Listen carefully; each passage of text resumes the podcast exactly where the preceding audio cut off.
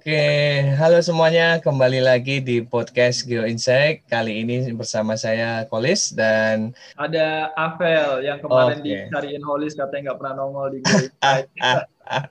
mau kita bubarin nggak jadi nih. nggak, nggak. Ya, Vel, eh, tahu gak sih kalau tanggal 22, 22 April itu diperingati sebagai eh, Hari Bumi ya. Dan kalau nggak salah tahun ini itu sudah 51 tahun itu diperingati Vel. Ya, jadi eh, menarik banget Vel ngomongin Hari Bumi ini pasti kita akan ajak narasumber yang eh, kesehariannya atau hidupnya atau eh, pekerjaannya itu berdampak sama eh, terhadap bumi itulah. Nanti kita ajak ngobrol siapa Vel ini Vel. Nah, Oke, jadi kalau hari bumi nyata sudah dirayakan 50 tahun, tapi sebenarnya umur bumi sendiri 4,5 miliar tahun ya, Lis. Jadi sebenarnya udah sangat tua. Biasanya geoscience itu geologi atau geofisika identik sama orang-orang yang ngerusak bumi katanya gitu kan karena nambang um, batu bara, mineral, minyak bumi itu katanya bikin rusak bumi. Padahal sebenarnya kita cinta juga sama bumi gitu kan. Kita hanya memanfaatkan apa yang uh, ada di bumi untuk keberlangsungan hidup manusia di dalamnya. Nah, untuk itu kita mau ajak nih bukti bahwa sebenarnya anak geologi itu uh, cinta bumi. Wah, ini kita undang namanya Dwi Indriarti. Yeah. Selamat datang, Dwi. Halo, selamat datang. bisa dipanggil siapa ya? Eh, panggil Uwi aja. Oke. Uwi, Oke, nggak pakai aja jadi- kalau. Kita panggil Uwi ya. Wi Jadi aja. Uwi ini uh, teman zaman kuliah dulu, Lis. Dia Oh, geolo- geologis nih. Jadi geologis dulu kuliah di Unsud. Kita sering ketemu dulu di Perhimpunan Mahasiswa Geologi Indonesia. Hmm. Dan lama banget nggak ketemu, lama banget nggak komunikasi. Tiba-tiba sekarang aku lihat si Uwi udah punya bisnis yang namanya Peony Eco House. Nah, kita kita sengaja undang Uwi hari ini untuk memberikan perspektif baru tentang bagaimana anak geologi yang katanya itu nggak cinta alam, ternyata ini mem- sisi lain lah membangun ya. bisnis Ya. yang dekat dengan alam, cinta lingkungan, nah kayak gitulah. Iya, Nah, iya, untuk iya. itu, iya, iya. Sebelum kita mulai obrolannya, kita persilahkan dulu deh uh, Uwi untuk memperkenalkan dirinya, latar belakangnya, serta aktivitas sehari-harinya. Ya, halo. eh, nama saya Dwi Indriati, bisa dipanggil Uwi. Eh, kalau kesibukan saat ini masih berkarya di rumah, tentu masih ngurus anak dan suami, terus di kantor. Eh, saat ini bekerja di UGM. Lalu yang terakhir adalah toko Peony Eka. Oke, lengkap Vel, ibu rumah tangga, punya kerjaan juga di kampus gitu, punya toko juga gitu. Kemarin habis follow ini Vel Instagramnya Peony Eco Host dan mereka tuh apa sih kalau buat customernya apa namanya pioneers ya? Peony Apa sebutannya? Iya. Pioneers. Oke. Nah, eh, sebenarnya ada ini nggak sih makna namanya nggak sih artinya ini Mbak Peony? Ada dong. Eh, jadi kenapa dipanggil pioneers, kenapa namanya peony itu Mm-mm. ada artinya sendiri. Karena peony sendiri itu kan lebih ke bentuk bunga ya, nama bunga bunga peony. Bunga peony itu memiliki arti sebetulnya bermacam-macam di berbagai negara. Tapi yang kami ambil arti besarnya itu seperti keluarga yang sederhana tapi eh, berkelanjutan juga hmm, apa ya lebih bahagia gitu. Lalu kenapa namanya pioneers? Itu diambil juga dari peony dan pioneers. Pioneers itu kan lebih ke eh, apa ya? Yang paling pertama gitu. Jadi karena kami merupakan salah satu toko yang bisa dibilang pertama di Yogyakarta, jadi eh, kami ambil nama itu mengklaim bahwa kami adalah bookstore pertama di Yogyakarta dikaitkan dengan peony. Jadi pioneers gitu, Mas Olis. Oke, ini menarik sih. Uh, kalau teman-teman juga bisa lihat di akun uh, Instagramnya Peony Eco House, itu di situ dituliskan bahwa uh, ini adalah first zero waste uh, store di Yogyakarta. Nah, uh, zero waste store itu apa sih, Wi? Dan dan uh, ini bisnis Peony Eco House tuh um, gimana ya? Apa sih tokonya itu jualan apa sih kayak gitu? Jadi bisa dijelasin secara singkat nggak sih tentang uh, bisnis Peony Eco House itu dan yang dimaksud dengan uh, zero waste store itu seperti apa sih? Ya, uh, kalau ke zero waste store-nya itu jadi lebih begini kakak. Zero waste store itu toko yang menyediakan bahan-bahan uh, secara curah dengan kondisi yang memang baik terkurasi dan uh, insya Allah lokal, lalu bisa ada kaitannya sama lingkungan apa? Karena dia curah kita nggak menggunakan uh, kemasan apalagi kemasan sekali pakai. Kita benar-benar menghindari adanya uh, produk yang dikemas secara sekali pakai. Entah bahkan uh, mungkin entah untuk plastik botol pun kami masih menggunakan uh, botol biasanya botol bekas rekondisi uh, untuk memperpanjang usia botol itu sendiri dan menghindari botol tersebut masuk ke TPA. Jadi memang uh, kalau dilihat tokonya mirip seperti toko oleh-oleh curah, tapi di dalamnya kita menyediakan uh, sebagian besar kebutuhan pokok sehari-hari sih dari kebutuhan uh, kesehatan tubuh sampai kesehatan yang esensial juga. Ya dari macam-macam beras, minyak atau bahkan sabun itu semua bisa dibeli secara curah. Namun secara curah ini bukan berarti kita e, memilih produk yang e, konvensional. Jadi kami lebih memilih produk yang memang dibuat oleh artisan, artisan-artisan Jogja karena memang banyak sekali artisan Jogja di sini. Terus produk-produk lokal Jogja pun um, sangat berlimpah di sini kami memanfaatkan semua itu dikaitkan dengan lingkungan, dikurasi apakah produk ini um, memiliki dampak yang baik entah itu untuk lingkungan ataupun kesehatan atau tidak. Kalau misalnya keduanya ada, biasa kita masukkan. Kalau misalnya salah satu dari unsur tadi tidak ada, kami akan mencari alternatif atau mencari solusi lain. Gitu. Oke, okay. okay. berarti kalau disederhanakan ini zero zero waste store ini adalah toko yang uh, meminimalkan penggunaan barang-barang yang nanti bisa menjadi sampah ya dan juga um, barang yang diperjualbelikan sendiri uh, sektornya itu consumer good ya, artinya sesuatu yang digunakan sehari-hari untuk konsumsi sehari-hari dan yang yang juga berdampak untuk kesehatan maupun lingkungan. Jadi lebih kurang seperti itu yang aku tangkap tentang uh, konsep Peony Eco House Zero Waste Store ini ya, Wi ya. Iya betul Kak Avel. Soalnya gini, uh, kalau kita bicara tentang kemasan, kemasan itu memang menarik. Paling pertama menarik di marketing pasti jatuh ke packaging kan. Nah uh, sekarang memang udah banyak packaging yang bisa dibilang ramah lingkungan. Tapi kita nggak tahu nih apakah yang terkandung di komposisi produk tersebut apakah benar-benar ramah lingkungan atau tidak. Karena sebagian besar di Indonesia produk yang saat ini beredar itu jauh dari ramah lingkungan, jauh dari yang bisa tidak mencemari lingkungan. Bahkan sabun yang biasa kita pakai sehari-hari pun itu sangat bisa mencemari tanah yang kita tinggali saat ini. Gitu, Oke. Oke. Berarti produknya tadi kan dikurasi dulu ya. Itu yang mengkurasi Mbak Wi sendiri apa ada tim sendiri ya? Uh, uh, kalau untuk kurasi jatuh pertama ke saya. Uh, udah pasti ke saya dulu karena yang megang kendali untuk kurasi ada di saya, lalu akan berlanjut ke tim. Kami oh, ada beberapa okay. orang yang bisa ngecek kurasi juga. Oke, menarik, Vel. Uh, gue pernah beli kayak sabun cuci tangan gitu. Apa sih daun uh, apa yang uh, direbus dulu itu apa namanya? Daun daun katuk. Bukan, bukan, bukan kayaknya lerak yang dimaksud. Biji lerak bukan sih? iya iya lerak ya, lerak biji lerak oh, ya. Okay. Harus direbus dulu dan jadi itu pengganti uh, apa sabun cair gitulah ya. Begitu uh, produk-produk seperti itu ya ada di uh, Peony Eka House ya, Pak ya. Iya betul betul mas. Oke, okay, I Iya, jadi jadi uh, yang bikin aku penasaran gitu kan, uh, sebenarnya kenapa akhirnya Uwi dan temen-temennya itu si sebenarnya Uwi ini membangun bisnis ini bersama dengan teman geologi lain ya, si Tio ya, ya. namanya teman kita oh, juga.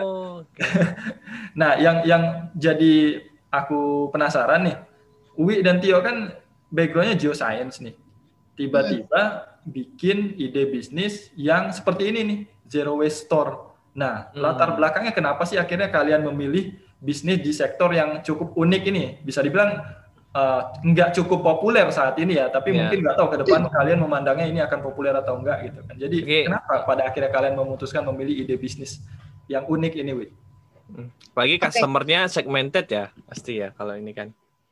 Uh, ya juga. Jadi gini, uh, kalau flashback ke belakang kita lihat dulu kan uh, sebelum kami lulus udah tahu nih, mulai-mulai tahu bagaimana keadaan Indonesia, udah tahu beberapa tempat di Indonesia itu yang kita jelajahi, kita eksplorasi itu memang jauh dari kata bagus. Bukan bagus istilah dalam pemandangannya, tapi lebih ke lingkungan.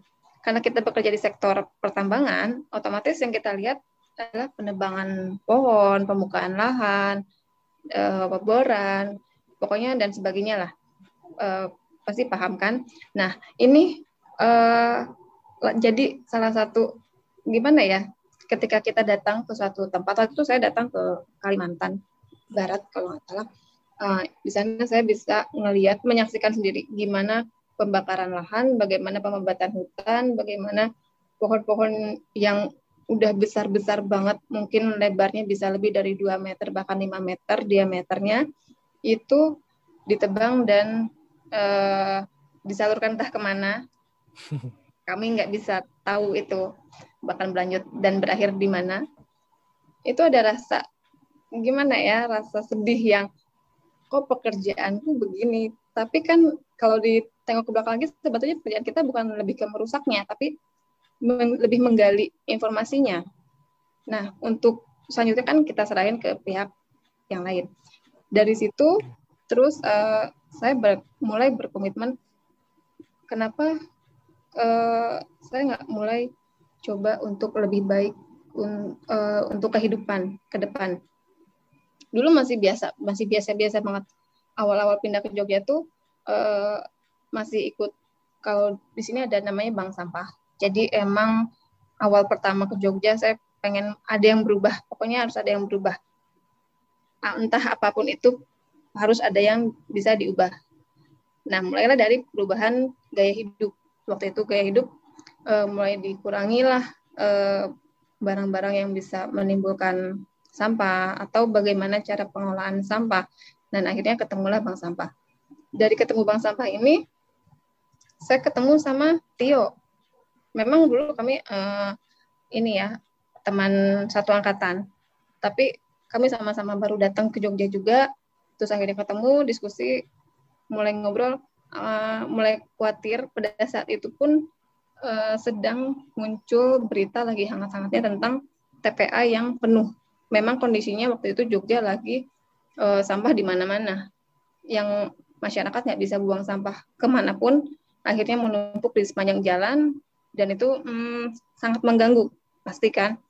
Nah, dari sana kita ngobrol soal bank sampah. Terus gimana sih ini ceritanya hmm, biar kita bisa punya eh, nggak uh, munafik kami pengen punya pendapatan lain, tapi di sisi lain kita prihatin juga nih sama kondisi lingkungan sekarang gitu.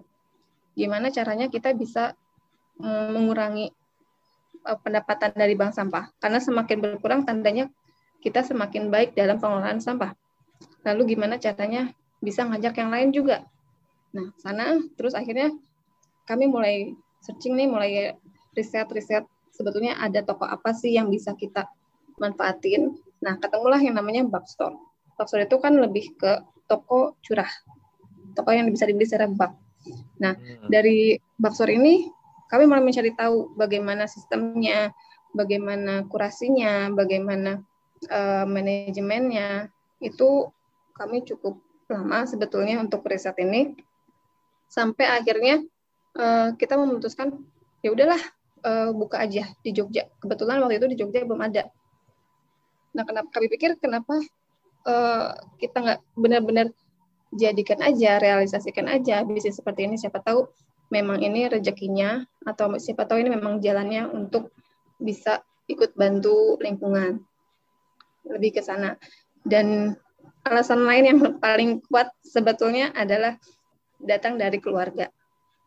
Kita nggak mau dong uh, punya anak punya cucu kelak tapi nggak tahu apa sih sungai yang bersih itu kayak gimana sih? Hutan tuh kayak apa sih hijaunya? Hewan-hewan yang sebetulnya hidup di hutan tuh apa aja sih? Itu kalau dari sekarang kita nggak bisa jaga lingkungan gimana anak cucu kita bisa tahu soal indahnya tempat tinggal kita dulu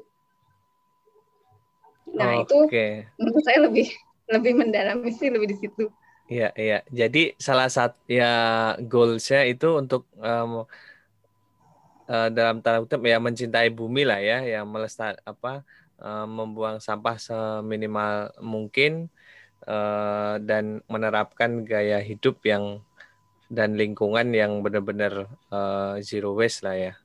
Uh, kalau uh, di kehidupan sendiri Mbak di sehari-hari gitu, itu di gaya hidup sehari-hari di keluarga ataupun diri sendiri itu seperti apa sih gitu. Mungkin teman-teman GeoInsight nanti bisa uh, mencontoh nih termasuk aku sama Avel juga. Oke, kalau diterapkan uh, sudah pasti diterapkan. Walaupun ada beberapa hal yang nggak bisa kita hindari karena masih hidup di namanya di kampung, uh, nggak bisa semuanya sesuai sama harapan kita yang memang benar-benar uh, bisa totalitas tanpa kemasan plastik. Tapi sejauh ini yang saya terapkan dan keluarga itu uh, kami sudah tidak pernah beli sabun mandi konvensional. Kami tidak pernah beli sampo uh, konvensional. Kami memang ambil semuanya dari toko. Beli ya, beli di toko.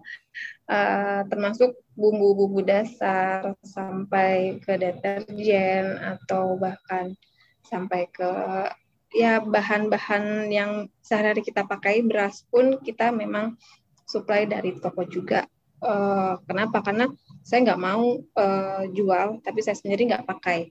Gimana saya bisa memberikan testimoni? Bagaimana saya bisa memberikan uh, sugesti ke customer kalau produk ini bagus atau produk ini bisa mendukung lingkungan dan kesehatan. Kalau saya sendiri nggak pakai. Gitu. Dan sejauh ini um, tumbler nggak pernah lupa kecuali puasa ya nggak dibawa sama tote bag pasti ada di tas kalaupun memang tidak bisa menghindari plastik biasanya akan digunakan berkali-kali oleh saya dan suami gitu. Iya, Oke. Atau Uwi ada ini nggak ya? Apa sesuatu perubahan yang uh, signifikan gitu dari Uwi yang dulu sama Uwi yang sekarang setelah mengenal uh, konsep zero waste ini tadi uh, apa yang paling berubah dari dari konsep hidup itu? Yang paling berubah uh, paling besar tuh lebih ke jajan. Dulu kan oh. kan uh, kami kan hmm. memang anak ya tahulah kuliner jajan itu paling nggak bisa dihindari. Jadi bisa dibilang sumber paling banyak sampah yang diproduksi itu ya dari sampah makanan kan sudah pasti. Tapi semenjak kenal ini, eh, gaya hidup yang dulu bisa dibilang sakit itu mungkin setiap bulan ada aja penyakit lambung lah atau masuk angin lah apa. Nah semenjak tahu zero waste ini itu udah jauh-jauh berkurang, nggak ada, bukan nggak ada ya, lebih bisa menahan keinginan untuk jajan. Kalaupun memang ada pengen jajan, kita udah bawa tempat juga. Terus uh, bisa berhemat banyak banyak lumayan. Terus uh, untuk kesehatan memang uh, karena sudah memilih dan tahu komposisinya apa sekarang udah lebih paham lah ya uh, tentang komposisi yang bagus itu seperti apa komposisi yang baik untuk kesehatan itu seperti apa. Tentunya jadi semacam investasi kesehatan buat saya dan keluarga jadi lebih aware tentang uh, apa yang masuk ke dalam tubuh, apa yang dipakai oleh tubuh lebih ke situ sih kafe. Oke oke oke. Jadi uh, dengan menerapkan konsep hidup yang lebih zero waste ini, kesehatan untuk tubuh dan juga kesehatan untuk dompet itu menjadi lebih baik ya ternyata. Iya benar benar Nah, Uwi kan aku lihat di uh, akunnya Pioneer House itu kan ada juga campaign uh, kolaborat kolaboratri. Kolaboratri. Ya? Nah, itu tuh bisa diceritain singkat nggak sih, Wi? Uh, itu apa campaign seperti apa dan uh, goal saya ingin uh, ke mana dari campaign itu? Oke, campaign ini tuh sebetulnya uh, kami kolaborasi dengan Lindungi Hutan. Jadi setiap pembelanjaan atau setiap pendapatan tiap bulannya Peoni Ecohouse itu beberapa persennya akan didonasikan untuk uh, penanaman hutan bakau di pesisir. Nah, kami memilih kemarin itu pesisir di Tambak Rejo, Semarang untuk ditanam kembali oleh bakau. Uh, gue ada pertanyaan lagi, Mbak, uh, untuk apa kehidupan sehari-hari gitu. Selain misalnya tadi Mbak sebutkan nggak uh, pernah beli lagi sabun gitu. Nah, hal-hal lain apa sih barang-barang lain yang bisa kita ganti ke ke arah uh, yang zero waste gitu? Jadi mungkin aku bisa sama Avel dan pendengar lainnya nih bisa menerapkan nih gitu habis ini. Ah, uh, karena saya perempuan, dari bahas uh, segi perempuan ada pembalut. Jadi selama ini pembalut itu juga menyumbang salah satu sampah paling banyak di TPA karena ada dua eh bisa lebih dari dua ya. Karena ada kemasan kemasan luar kemasan dalam lalu pembalut itu sendiri. Jadi ada tiga yang bisa dibilang minimal tiga sampah itu yang nggak bisa sebetulnya di uh, recycle. Tidak bisa diolah kembali. Uh, pembalut itu sekarang bisa diganti ke pembalut kain atau namanya lagi namanya men's cup jadi menstrual cup menstrual cup ini uh, pengganti untuk pembalut lebih ramah lingkungan. Memang untuk pertama kali beli uh, agak pricey, tapi kalau dihitung kembali secara penggunaan, uh, Manscaped ini bisa bertahan hingga tiga atau bahkan lima tahun. Bisa dibayangkan berapa uh, dana yang bisa kita hemat untuk membeli pembalut, berapa banyak pembalut yang bisa kita selamatkan dari TPA, dan mungkin akan lebih sehat juga karena dari segi kesehatan mungkin beberapa teman yang sudah menggunakan termasuk saya sendiri menggunakan uh, menjadi merasa lebih apa ya lebih sehat. Ya maaf kalau misalnya bahasanya sedikit vulgar. Biasanya kalau perempuan pakai pembalut itu ada lecet lah atau ada infeksi. Itu kemungkinan besar ada tapi setelah menggunakan menskap biasanya hal-hal tersebut hilang dan beberapa teman-teman saya yang sudah menggunakan pun periode yang biasanya mungkin dikatakan enam hari dalam satu kali periode bisa berkurang menjadi empat hari. Itu nggak tahu bagaimana kaitannya, tapi uh, mungkin karena kondisi pemakaiannya, cara pemakaiannya juga menjadi lebih bersih, jadi uh, darah haid pun lebih mudah keluar, lebih mudah dibersihkan. Dan itu um, menurut saya salah satu dampak paling besar untuk wanita bisa um, peduli terhadap lingkungan. Karena setiap bulan itu bisa menghabiskan berapa puluh uh, pembalut, ya kan? Tergantung flow-nya juga kan, gitu. Nah kalau misalnya untuk yang selain perempuan nih, apa kita bisa ubah cotton bud. Cotton bud itu biasanya kecil tapi uh, lumayan. Uh, sekali beli kita bisa 100, 200 penggunaannya pun juga cukup sering. Itu sekarang bisa diganti ke yang lebih ramah lingkungan, namanya cotton bud yang terbuat dari bambu. Ataupun ada sedotan, tumbler seperti yang sudah banyak beredar di pasaran sekarang kan banyak nih sedotan stainless steel itu bisa digunakan berkali-kali. Tumbler pun bisa digunakan berkali-kali. Lalu pengganti plastik ada namanya silicone pouch atau uh, beeswax wraps. Jadi wrapsnya ini dari kain dilapisi oleh lilin lebah. Uh, dia lebih food grade dan tentunya nggak perlu ganti-ganti plastik. Lebih ke sana sih sebetulnya. Banyak sebetulnya yang bisa digali kalau misalnya mau dilihat apa sih yang bisa disubstitut dari semua produk yang biasa kita pakai sehari-hari buat yang menjadi lebih ramah lingkungan itu banyak banget. Kalau misalnya disebutin mungkin panjang. mungkin hampir semua ada kali ya. Iya. uh, Vel dari yang udah disebutin tadi, yang udah uh, lo lakuin dan ada apa Vel?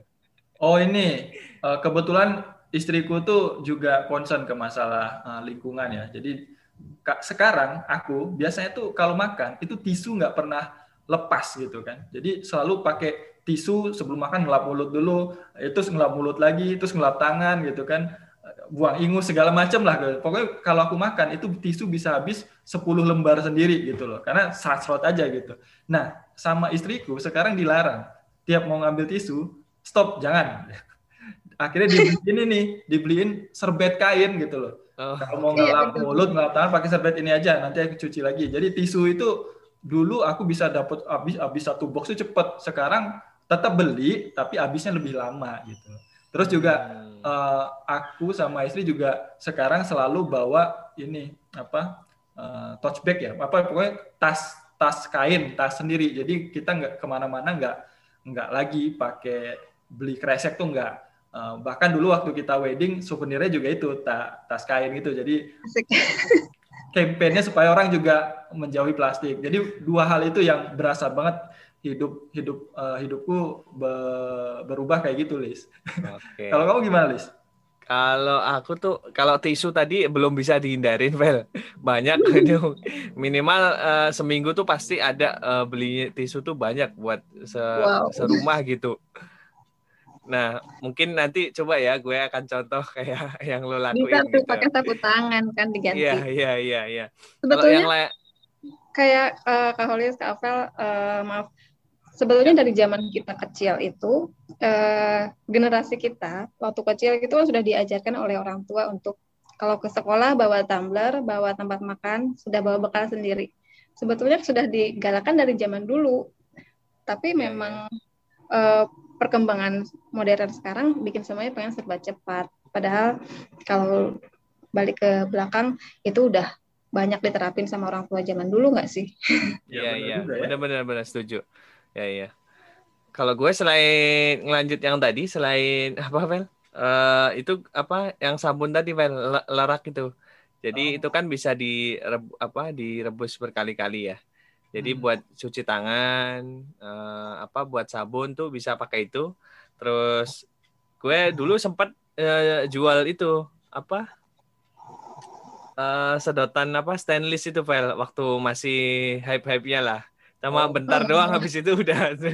nah itu gue makanya ke, ke mana-mana bawa bawa bawa sedotan itulah. Meskipun kadang kalau kita misalkan order apalah kayak kopi gitu ya. Jadi kan itu susah uh, masih susah dihindari gitu. Ada plastiknya juga gitu. Tapi uh, tumbler, sedotan itu masih udah inilah, udah pasti bawa sendiri. Tote bag dan lain-lain. Iya benar-benar benar. Jadi aku bahkan baru tahu tadi soal sabun tuh ternyata ada opsi lain ya selain kita beli life boy atau apa gitu ada. yang di pasaran. ya Nuvo tuh ada. iya iya ternyata ada opsi yang, lain. Iya iya. Uh, Kalau yang di toko peoni ada apa mbak selain yang sabun lerak itu ada opsi lain nggak sih untuk sabun mandi gitu sabun cuci tangan? Banyak sebetulnya kayak sabun mandi uh, kita ber kalau misalnya ngomongin sabun mandi kita ada beberapa jenis, tapi dilihat dari komposisinya kami menggunakan minyak kelapa. Base-nya minyak kelapa, sebagian base minyak kelapa. Karena lebih sustain, sumbernya banyak, berlimpah dan manfaatnya juga banyak kan dari minyak kelapa. Lalu kalau sampo uh, sama ini kita tahunya sampo pasti merek-merek gitu aja kan. Yeah, yeah. Padahal di kalau kita nyari lebih jauh shampoo artisan tuh banyak banget dan lebih apa uh, animal free test lalu lebih kalau dibilang vegan bisa dibilang vegan juga. Komposisinya bagus juga buat rambut karena memang uh, produk-produknya lebih alami. Dan kemasannya uh, sejauh yang kita tahu sampo itu cair. Padahal sampo batang tuh juga banyak Oh ada sama batang ya, baru tahu gitu. iya. Oh, iya. kayak kayak kayak sabun batang gitu ya. Iya betul. Jadi, Bentuknya batangan. Kalaupun mau pakai tinggal di ke gosok ke tangan, oh, terus dibusain, baru diusap ke rambut. Oh. Itu banyak menghindari lumayan kan menghindari konten dari komposisinya yang enggak ramah lingkungan sama botolnya juga kan. Benar. Betul betul. Dan mudah dibawa ke mana-mana. Habis ini gue langsung ngajak istri ke Zero Waste Store nih kayaknya nih. Mau cari barang.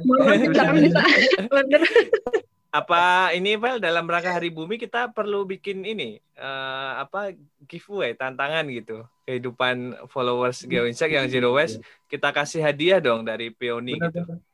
Oh iya boleh dong. Benar, benar. Uh, justru uh, harapannya harapannya itu sebetulnya uh, kami menyimpan banyak harapan untuk generasi-generasi muda yang sekarang sedang bermasa-masa produktif karena beberapa tahun kemudian setelah tahun ini kemungkinan bisa 10 tahun kemudian atau lima tahun kemudian bisa jadi yang mendengarkan podcast Gear Insight sekarang ini menjadi salah satu orang pemimpin entah menteri lingkungan, menteri tambang itu jadi lebih memperhatikan lingkungan, nggak cuma menerapkan atau nggak cuma tahu. Karena sejauh ini kan kita bisa tahu lah ya peraturan pemerintah seperti apa. Nah harapannya memang pemuda-pemuda yang saat ini sedang masa-masa produktif ini ke depan bisa menjadi lebih uh, peduli terhadap lingkungan walaupun nggak bisa menghindari pekerjaan yang uh, seperti tambang ini gitu kan. Hmm, nah, iya, iya, iya. Jadi okay. buat pendengar Geo Insight nanti silakan kalian komen di Instagram kita aktivitas apa sih yang uh, lifestyle apa yang telah mengubah kalian uh, terutama yang berkaitan dengan zero waste tadi ya. Uh, kalau aku tadi kan ceritanya soal udah nggak pakai tisu sering-sering, sekarang pakai sabun tangan. Holis tadi sabunnya ganti. Kalau Wi udah banyak aspek kehidupannya dari mulai pembalutnya ganti, sabun, sampo segala macam. Nah, teman-teman silakan komen di Instagram uh, kita, nanti akan ada hadiah deh ya dari dari Peoni ya. oh, boleh boleh boleh. Pokoknya kita, yang uh, kita kirim pembalut yang itu cup itu. Tapi mahal ini harus itu yang udah lama loh ya maksudnya jangan yang uh, kalau bisa diceritakan juga nih udah berapa lama perubahannya ya, gitu. Nanti jurinya ya. dari ya, langsung lah, ya. yang yang juri cerita yang paling uh, mengharukan, oh nggak mengharukan ya, pokoknya cerita yang paling inspiratif nanti dipilih sama Uwi. Ya, Oke, okay. ada siap, pendengar GeoInsect yang udah lama terus sudah mempengaruhi apa keluarga, tetangga gitu kan, Bel. Ya. Benar, benar, benar ya. banget. Oke, Mbak Wi, uh, kalau ngomongin uh, bisnis ini dan Mbak Wi tadi bilang kurasinya dari berbagai sumber, tentu menarik akan kita bahas tentang uh, dari mana sih uh, sumbernya Mbak Wi ngambilnya gitu, suppliernya gitu, apakah dari petani langsung, apa lewat distributor, apa gimana mungkin bisa diceritakan Mbak Wi. Iya, sebetulnya menarik sih kalau misalnya bahas supplier ya, karena saya ngotot banget sebisa mungkin produk kami itu lokal. Uh, sebisa mungkin nggak impor. Walaupun tetap masih ada impor, tapi sebagian besar dominan itu kami mengambil dari supplier langsung.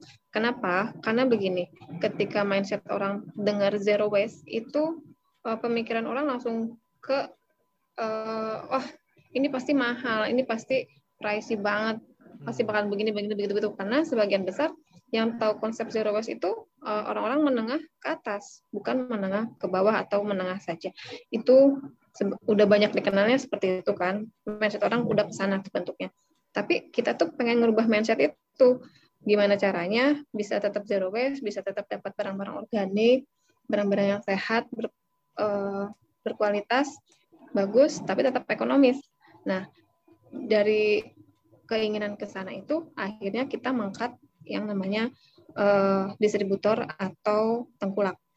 Makanya produk kami uh, langsung dari pengrajin, langsung dari petani, langsung dari eh, orang-orang uh, yang produksi sendiri, bukan dari pabrikan, bukan dari yang memang kalangan-kalangan besar. Itu kita menghindari itu untuk bisa turut andil dalam mengembangkan UMKM di Jogja ataupun di Jateng karena memang sebagian besar produknya dari Jogja dan Jateng gitu. Bahkan untuk barang-barang Jogja sendiri eh, menariknya nggak banyak orang Jogja yang tahu kalau mereka tuh punya eh, produk yang bagus-bagus sebetulnya. Kayak misalnya teh, teh organik eh, hampir semua orang yang datang ke toko itu nggak tahu kalau teh ini buatan atau diproduksi dari Jogja Mungkin Mas Holis juga bisa aku cek. Nggak tahu. Uh, emang ada emang ada ya teh di Jogja ya? Iya kan? Bahkan yeah, yeah. pun eh, orang asli Jogja nggak tahu. Karena memang eh, para petani itu kadang kesulitan atau bahkan mereka itu punya pembeli langsung dari luar Jogja bahkan oh. luar negeri sekalipun. Jadi sayang sekali kalau misalnya kita harus merasakan produk-produk yang berkualitas itu tinggal ampas-ampasnya. Karena sebagian besar yang di pasaran itu eh, ayat teh.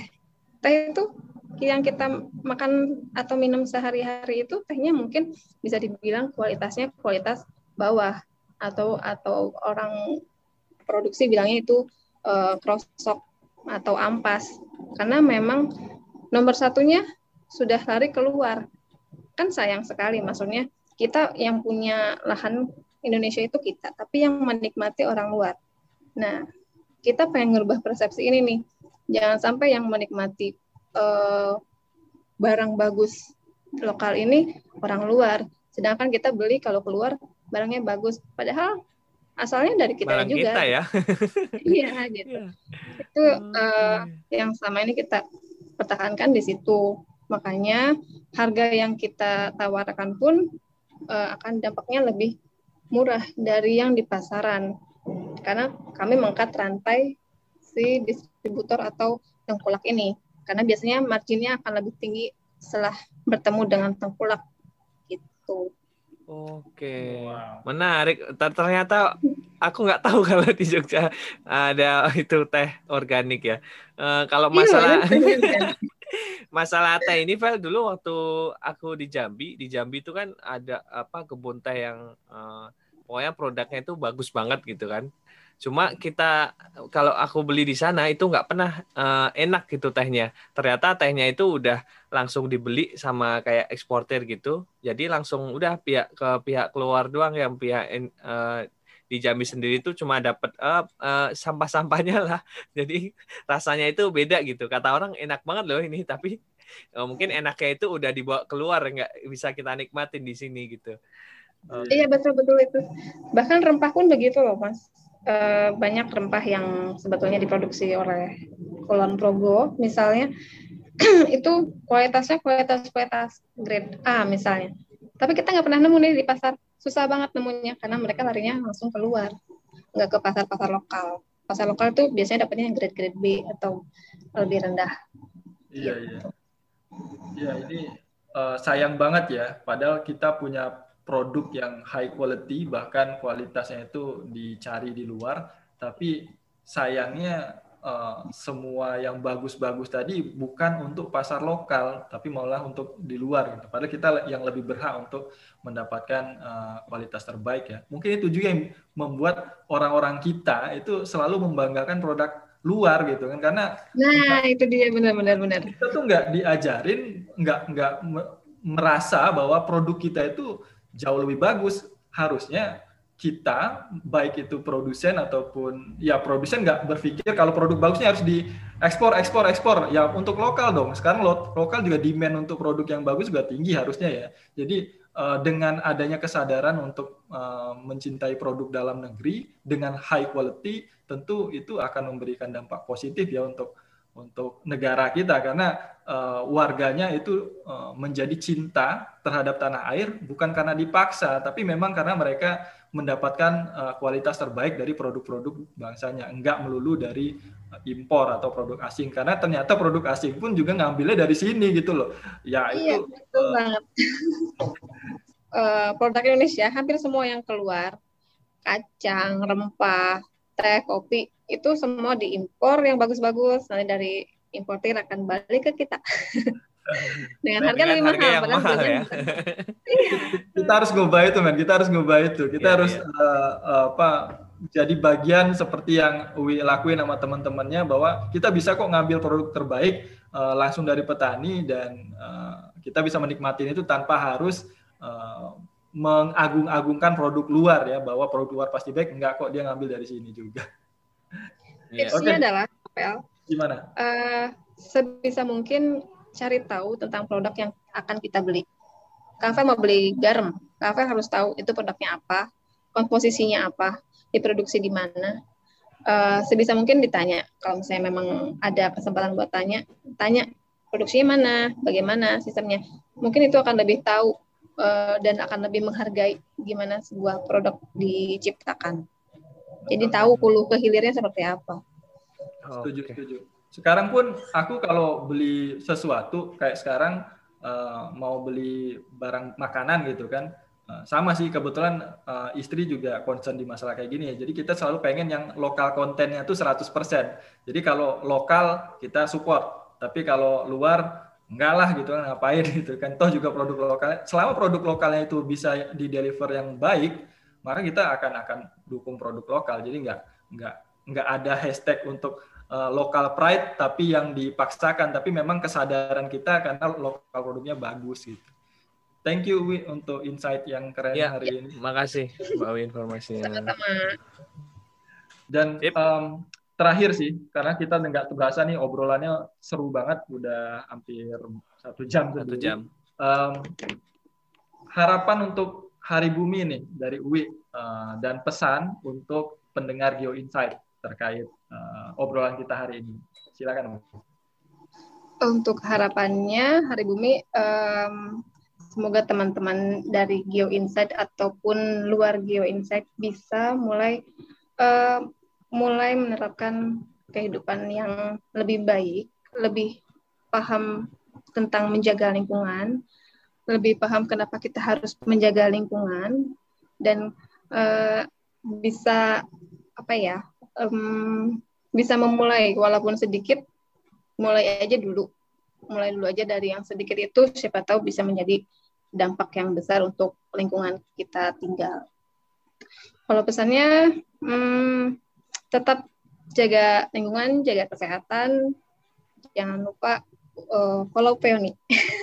Oke, follow Peoni. Oke. Follow Peoni Eco House. Eco House ya. Gimana? Uh, terakhir, File. Kalau mau beli produknya, um, misal kayak kita berdua di Jakarta nih, sedangkan tokonya Wi ada di Jogja, kalau mau beli barang-barangnya gimana gitu? Sedangkan kemasannya itu kan uh, mungkin pakai botol dan lain-lain ya. Bisa nggak? Bisa nggak? Oh, udah ada tokonya di uh, yang orange-orange itu apa di hijau-hijau?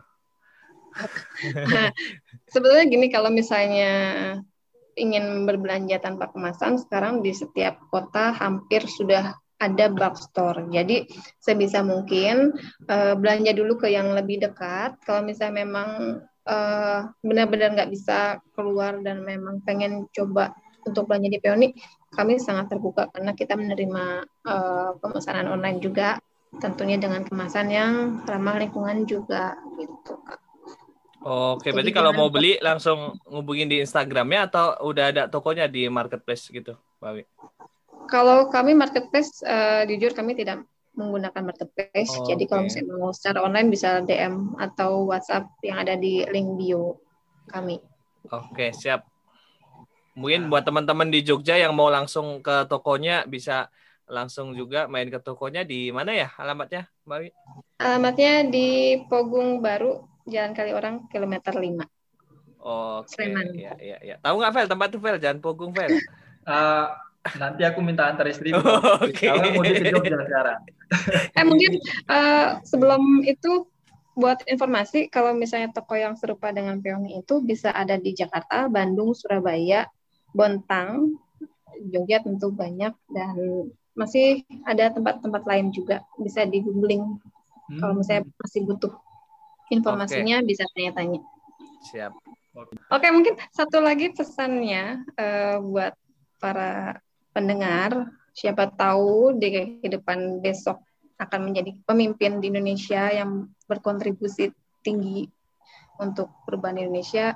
Uh, tolong diingat uh, lebih menjaga tentang lingkungan, jangan hanya mengejar soal materi, tapi ada baiknya juga mengejar soal uh, akhirat maupun lingkungan ini, gitu. Karena memang uh, harapan paling besar kami ke sana, semoga Indonesia bisa menjadi lebih baik, entah dari sektor pertambangan ataupun sektor yang lainnya, dan lebih hmm, banyak sisi positifnya untuk lingkungan. Begitu Kak Mas Solis, makasih. Mantap. Kita Mantap juga makasih banyak ya. udah bersedia ngobrol-ngobrol bareng kita, udah reunian lagi setelah bertahun-tahun nggak Iya, iya. Jadi uh, mungkin kita udah di akhir sesi, Olis mungkin bisa kasih penutup. Oke, ya itu tadi uh, teman-teman semuanya podcast kita bersama Mbak Dwi Indriati dari Peoni Eco Host. Jangan lupa follow Instagramnya at Peoni Eco Host dan kalau kalian di Jogja bisa mampir di Jalan Pogong Lor KM 5 deket Ring Road Pogong. itu eh Pogong Baru ya KM 5 oke okay. oke okay. dan jangan lupa teman-teman follow Instagram GeoInsect at GeoInsect ID dan juga episode-episode lainnya bisa kalian dengarkan di Spotify at GeoInsect ID sampai jumpa di episode berikutnya bye bye, bye. Nah, makasih Mas Polis, Mas